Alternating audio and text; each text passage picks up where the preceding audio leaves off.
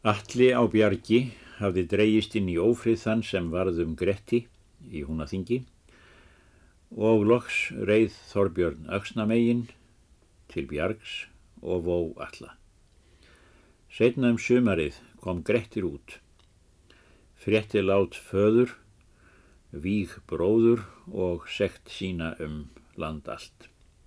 Sagan segir okkur hver hress hann var, þrátt fyrir þetta allt, fyrst með kímilegri frásögnum hest stuld hans og gaman kveðskap en síðan varð hans fyrsta verk að hefna bróður síns og vega Þorbjörn.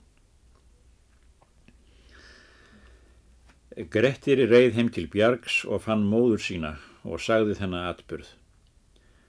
Hún varð glöð við þetta og hvað hann nú hafa líkst í ætt vastæla en þó mun þetta upphaf og undir rót sekta þinna.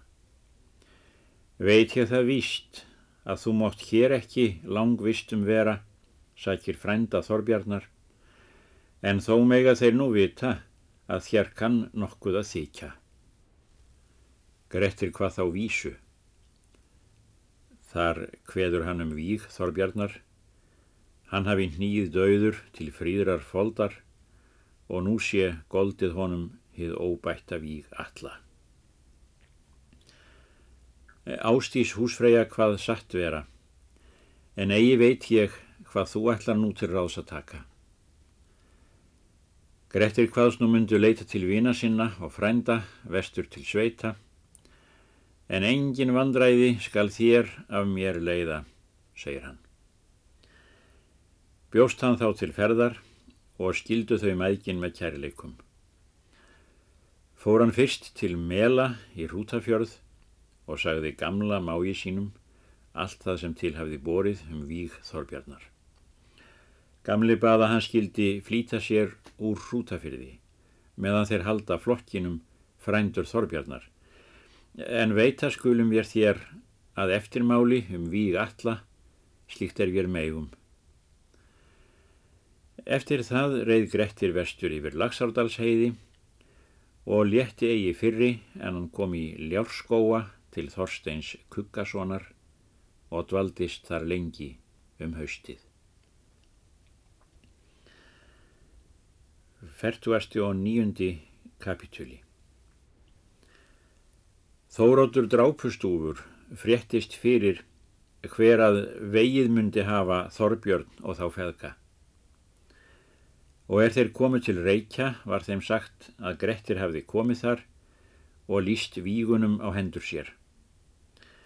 Þórótur þóttist nú sjá hversu farið hafði, fór hann þá til Bjargs og var þar margt manna fyrir og spurði hvort Grettir væri þar.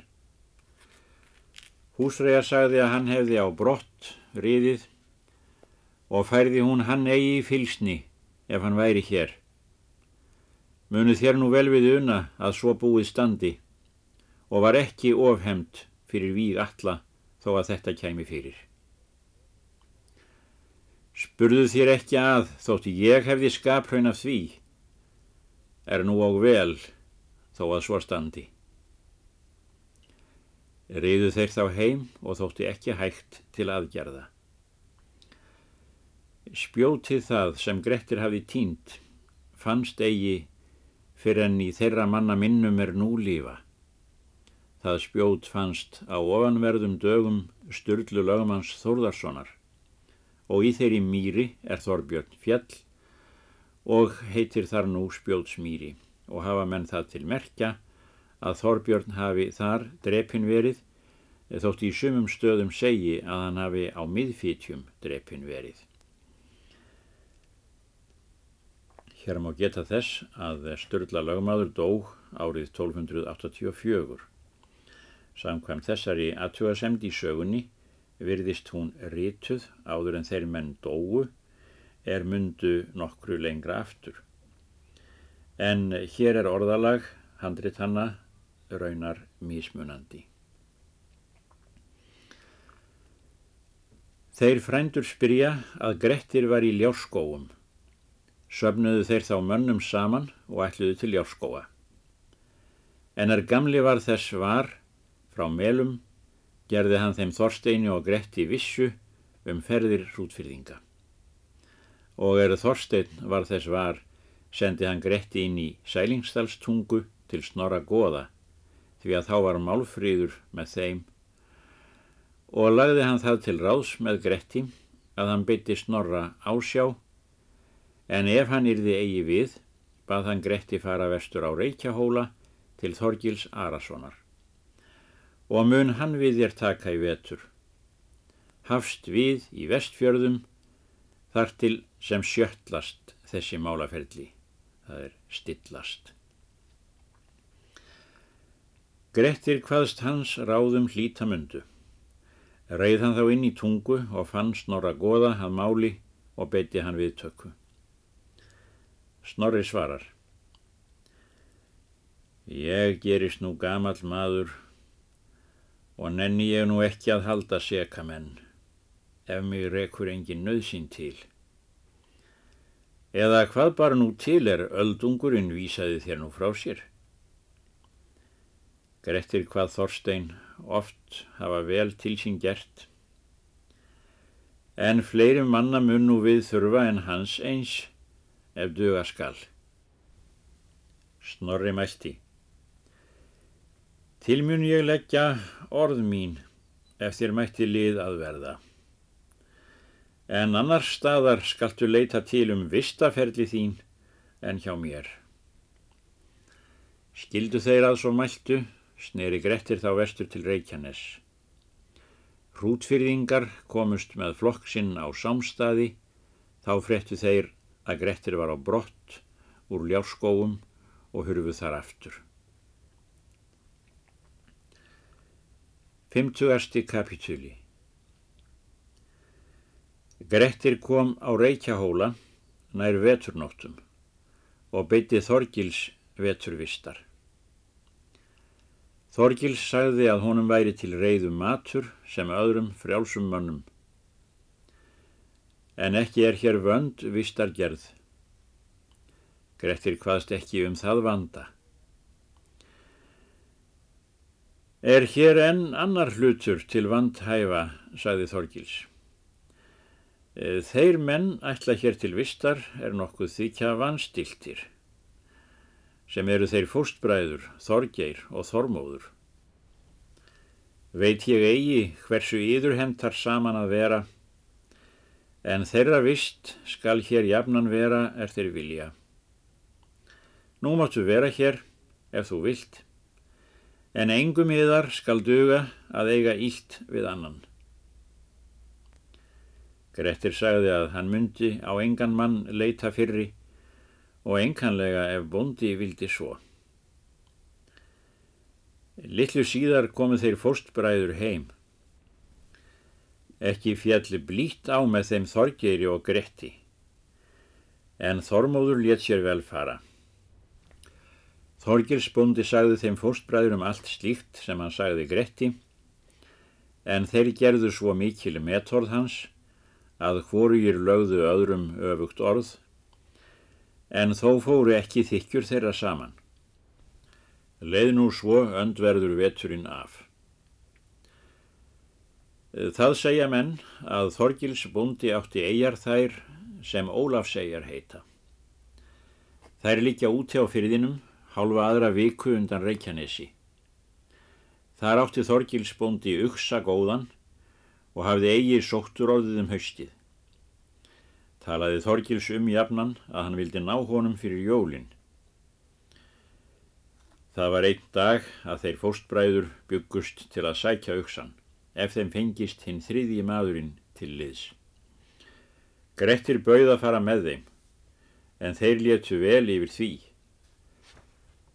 Fara síðan þrýr á teinæringi.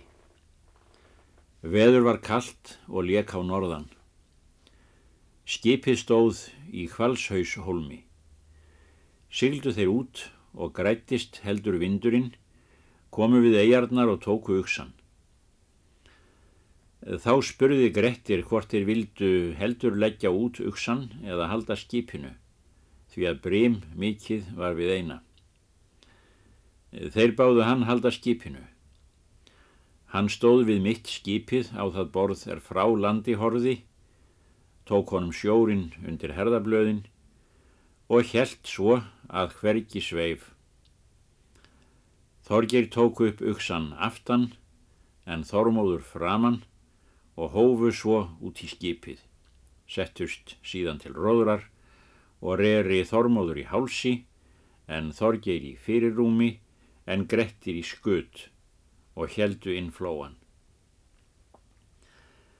Og er þeir komið inn fyrir havraklett, styrmdi þá að þeim. Þá meldi Þorgeir. Frýr nú skutsurinn skriðar. Grettir svarar. Egi skal skuturinn eftir líkja ef allvel er róið í fyrirrúminu. Þorgeir fjall þá svo fast á árar að afgengu báðir háirnir það er keiparnir. Þá mælti hann. Legg þú til Grettir meðan ég bæti að hánum. Grettir dróð þá fast árarnar meðan Þorgir bætti að hánum, en er Þorgir tók það róa, hefðu svo lúist árarnar að Grettir hristi þeir í sundur á borðinu. Þormóður hvað betra að róa minna og brjóta ekki. Grettir þreif erði tvö er lág í skipinu það er tré, líklega árarefni og rak borur stórar á borstokkunum og reri svo sterklega brakaði í hverju tré. En með því að skip var gott en menn heldur í raskvaralagi, þá náðu þeir hvalsauðshólm. Grettir spyr hvort þeir vildu heldur fara heim með uksan eða setja upp skipið. Þeir kjöru heldur að setja upp skipið og settu þeir upp með öllum sjónum þeim sem í var og jöklum en það var mjög sílt. En Grettir leitti uksan og var hann mjög styrður í böndunum en all feitur var þónum mjög mætt. En þá er hann kom neðan hjá tillingsstöðum þraut uksan gönguna. Þeir fórstbræður gengu til hús því að hórugjur vildu veita öðrum að sínu hlutverki. Þorgils spyrað Gretti en þeir sögðu hvar þeir höfðu skilið. Hann sendi þá menn á móti honum og eftir komu ofan undir hellishóla sáu þeir hvar maður fór í móti þeim og hafði nöyt á baki og var þar komin Grettir og bar þá uksan. Undruðust þá allir hversu mikið hann gatt orkað. Leg Þorgeiri næsta öfund á um afl Grettis. Það var einn dag, nokkur eftir jól, að Grettir fór í laug einn saman. Þorgeiri vissi það og mælti við Þormóð. Förum til og vitum hversu Gretti bregður við ef ég ræð á hann þá er hann fer frá lauginni. Ekki er mér um það, sagði Þormóður, og myndi ekki fá gott af honum. Fara vil ég þó, sagði Þorgir, snýr nú ofan á brekkuna og bar hátt auksina. Grettir gekk þá neðan frá lauginni og er þeirri fundust, mælti Þorgir. Er það satt, Grettir, sagði hann, að þú hafið það mælt að þú skildir aldrei renna fyrir einum. Ég veit ég það svo víst, saði Grettir, en skamt hef ég fyrir þér runnið, hvað Grettir. Þorgir reyti þá upp öksina, í því hljóp Grettir undir Þorgir og færiði hann niður all mikið fall. Þorgir meldi þá til Þormóðar. Skaltu standa hjá? er fjandi þessi drepur mig undir sig. Þormóður þreif þá í fætur Grettis og ætlaði að draga hann ofan af Þorgeri og fekk ekki að gert. Hann var girður sexi og ætlaði að bregða. Þá kom Þorgils bóndi að og bað þá vera spaka og fást ekki við Gretti. Þeir gerðu svo og sneri þessi gaman. Ekki áttust þeir fleira við svo að geti sé þótti mönnum Þorgils mikla gæfu til hafa borið að stilla slíka ofstopamenn. En er voru tók fóru þeir á brott allir. Grettir fór inn til Þorskafjörðar. Var hann spurður að hversu honum hefði líkað vistargerðin eða veturvistinn á Reykjahólum. Hann svarar. E, þar hef ég svo verið að ég hefði jafnan mínum mat orðið fegnastur þá er ég náði honum. Fór hann síðan vestur yfir heiðar. 51. kapitúli Þorgils Arason reið til Þings með fjölmenni, kom þar allt stórmenni um landið. Brátt fundust þeir skafti lögmaður og tóku tal með sér. Þá mælti skafti.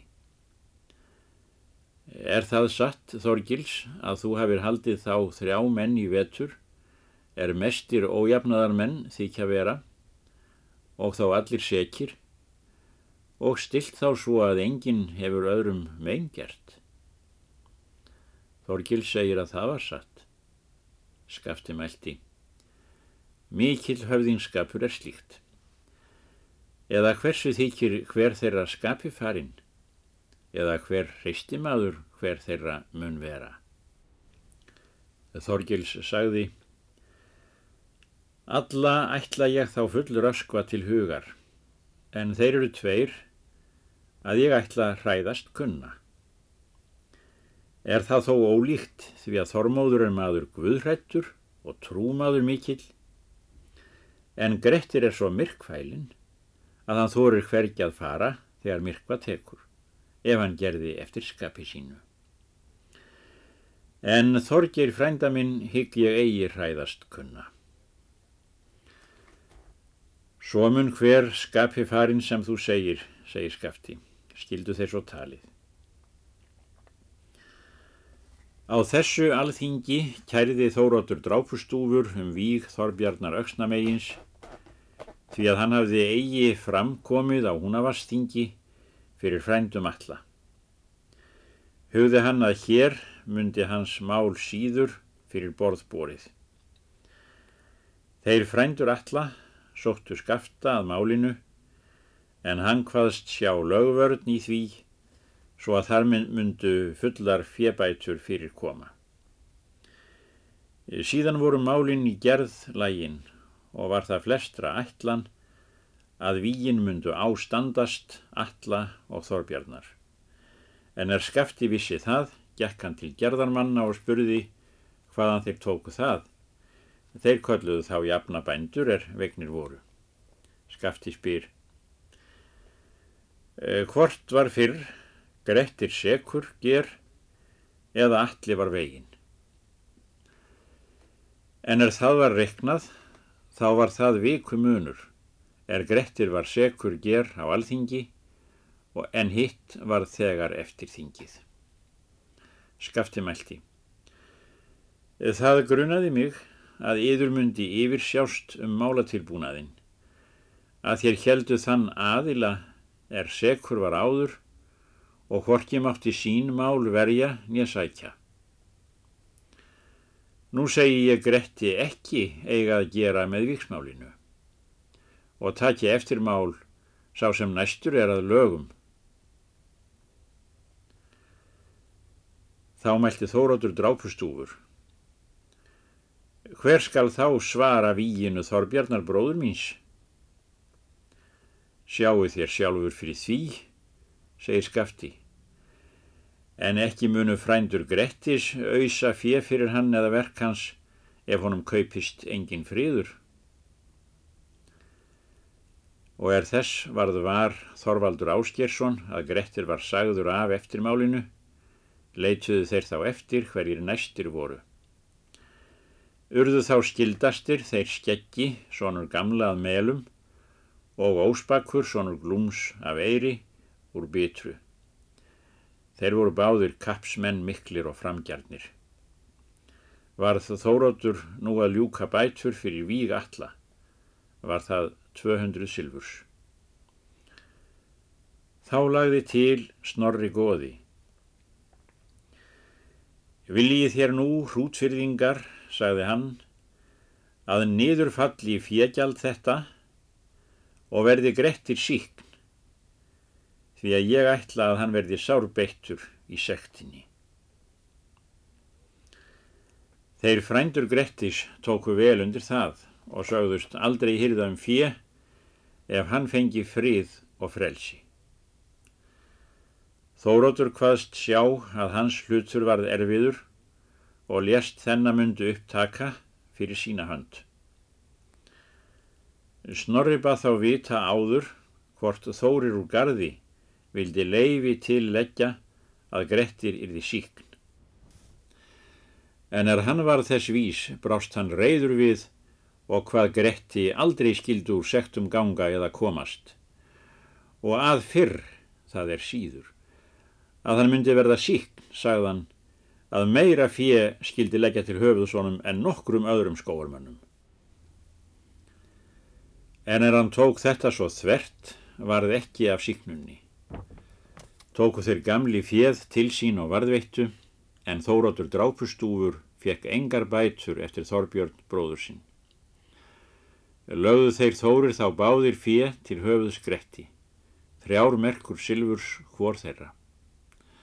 Það þótti mönnum nýlunda því að aldrei hafi verið meira lagt en þrjár merkur. Snorri hvað þetta óvíturlegt, að bekkjast til að hafa þann mann í sektum er svo miklu íllu mætti orka og hvað þess margan gjaldamundu. Skildum en við það og ríðum en af þinginu. 50. og annar kapitúli Þá er Grettir komið yfir Þorskafjardarheiði í Langadal. Let hann sópa greipar um eignir smábænda og hafði af hverjum það er hann vildi. Tók hann af sumum vopn en sumum klæði, gengu þeir all misjamt af en allir sögðust nöyðir láta þegar hann var í brottu. Þá bjó í vatsfyrði vermundur hinn mjói, bróður Vígastirs. Hann átti Þorbjörgu, dóttur Ólafs Pá, Höskuldssonar. Hún var kölluð Þorbjörg hinn digra. Vermundur var þennan tíma til þingsriðin er Grettir var í Langadal. Hann fór ofan yfir háls til laugabóls. Þar bjós á maður er helgi hétt Hann var þar helst fyrir bændum. Þaðan hafði Grettir góðan hest er bóndi átti. Þaðan fór hann inn til Gjörvidals. Þar bjós á maður er Þorkjall hétt. Hann var vel byrgur að kosti og þó lítilmenni. Hafði Grettir þaðan slíkt sem hann vildi og þorði Þorkjall ekki að að finna eða á að halda. Þaðan fór Grettir á eirar og svo út þeim megin fjarðar og hafði af hverjum bæði vistir og klæði og gerði mörgum harðleikið og þótti flestum þúnd undir að búa. Grettir fór nú djarflega og hafði engin varðhöld á sér.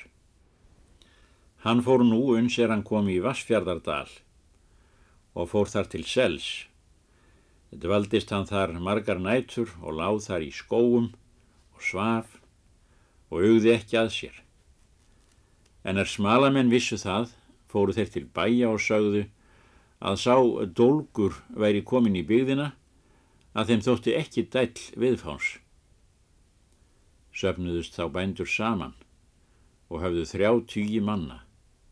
Leindust þeir í skóginum svo að Grettir vissi ekki til og letur smalamann halda njósnum nær færi gæfi á Gretti en þó vissu þeir ógjörla hver maðurinn var.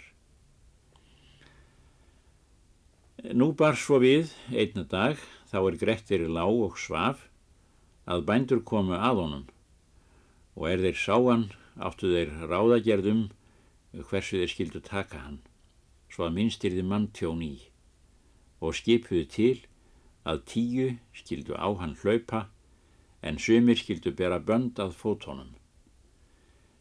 Þeir gerðu nú svo og flegðu sér ofan á hann, en Grettir bráfið svo hart að þeir hrutu af honum, en hann komst á knie og hendur. Í því gáttu þeir kastað böndum á fæturónum. Þá spyrnti Grettir svo fast við eirun á tveim að þeir lágu í róti. Nú hljóp á hann hverað öðrum en hann ruttist um fast og lengi, en þó gáttu þeir hlaðið honum um síðir og bundu hann. Eftir það áttu þeir um að tala hversu við hann skildi gera.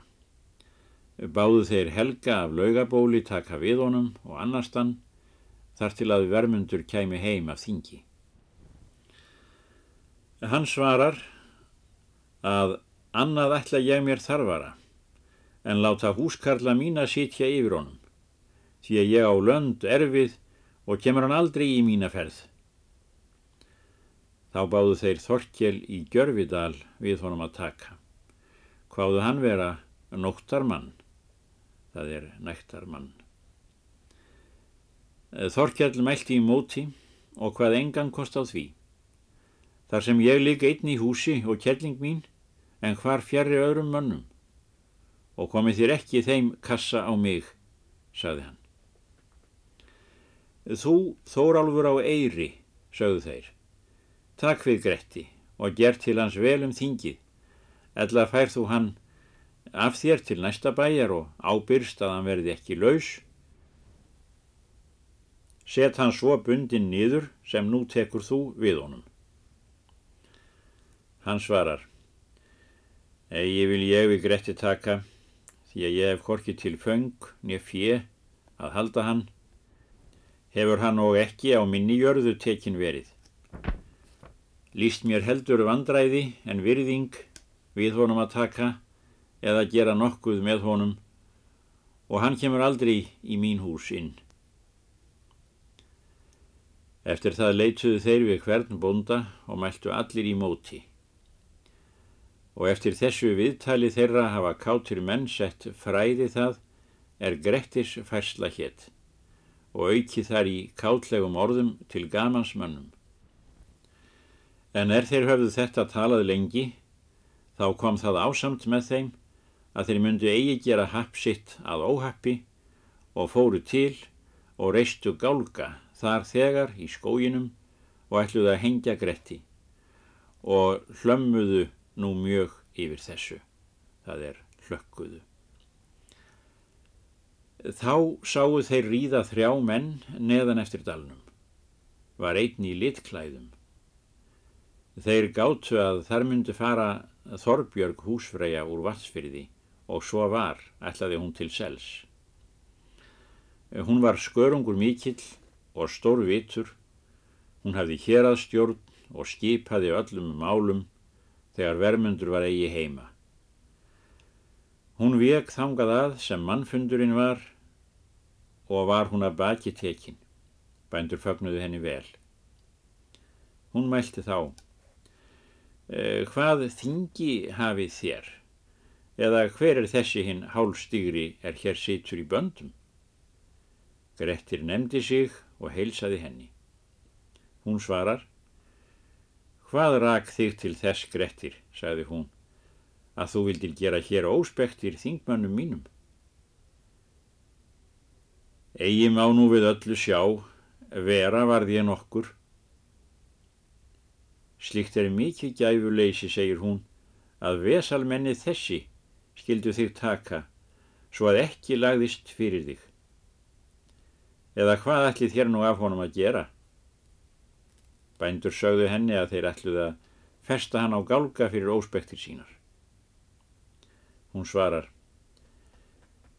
vera má að Grettir hafi sakir til þess, en á ofurráð mun það verða yður ísvirðingum að taka Gretti af lífi því að hann er maður frægur og stórættaður þó að hann sé í gæfumadur. Eða hvað viltu nú vinna þér til lífs, Grettir, ef ég gef þér líf?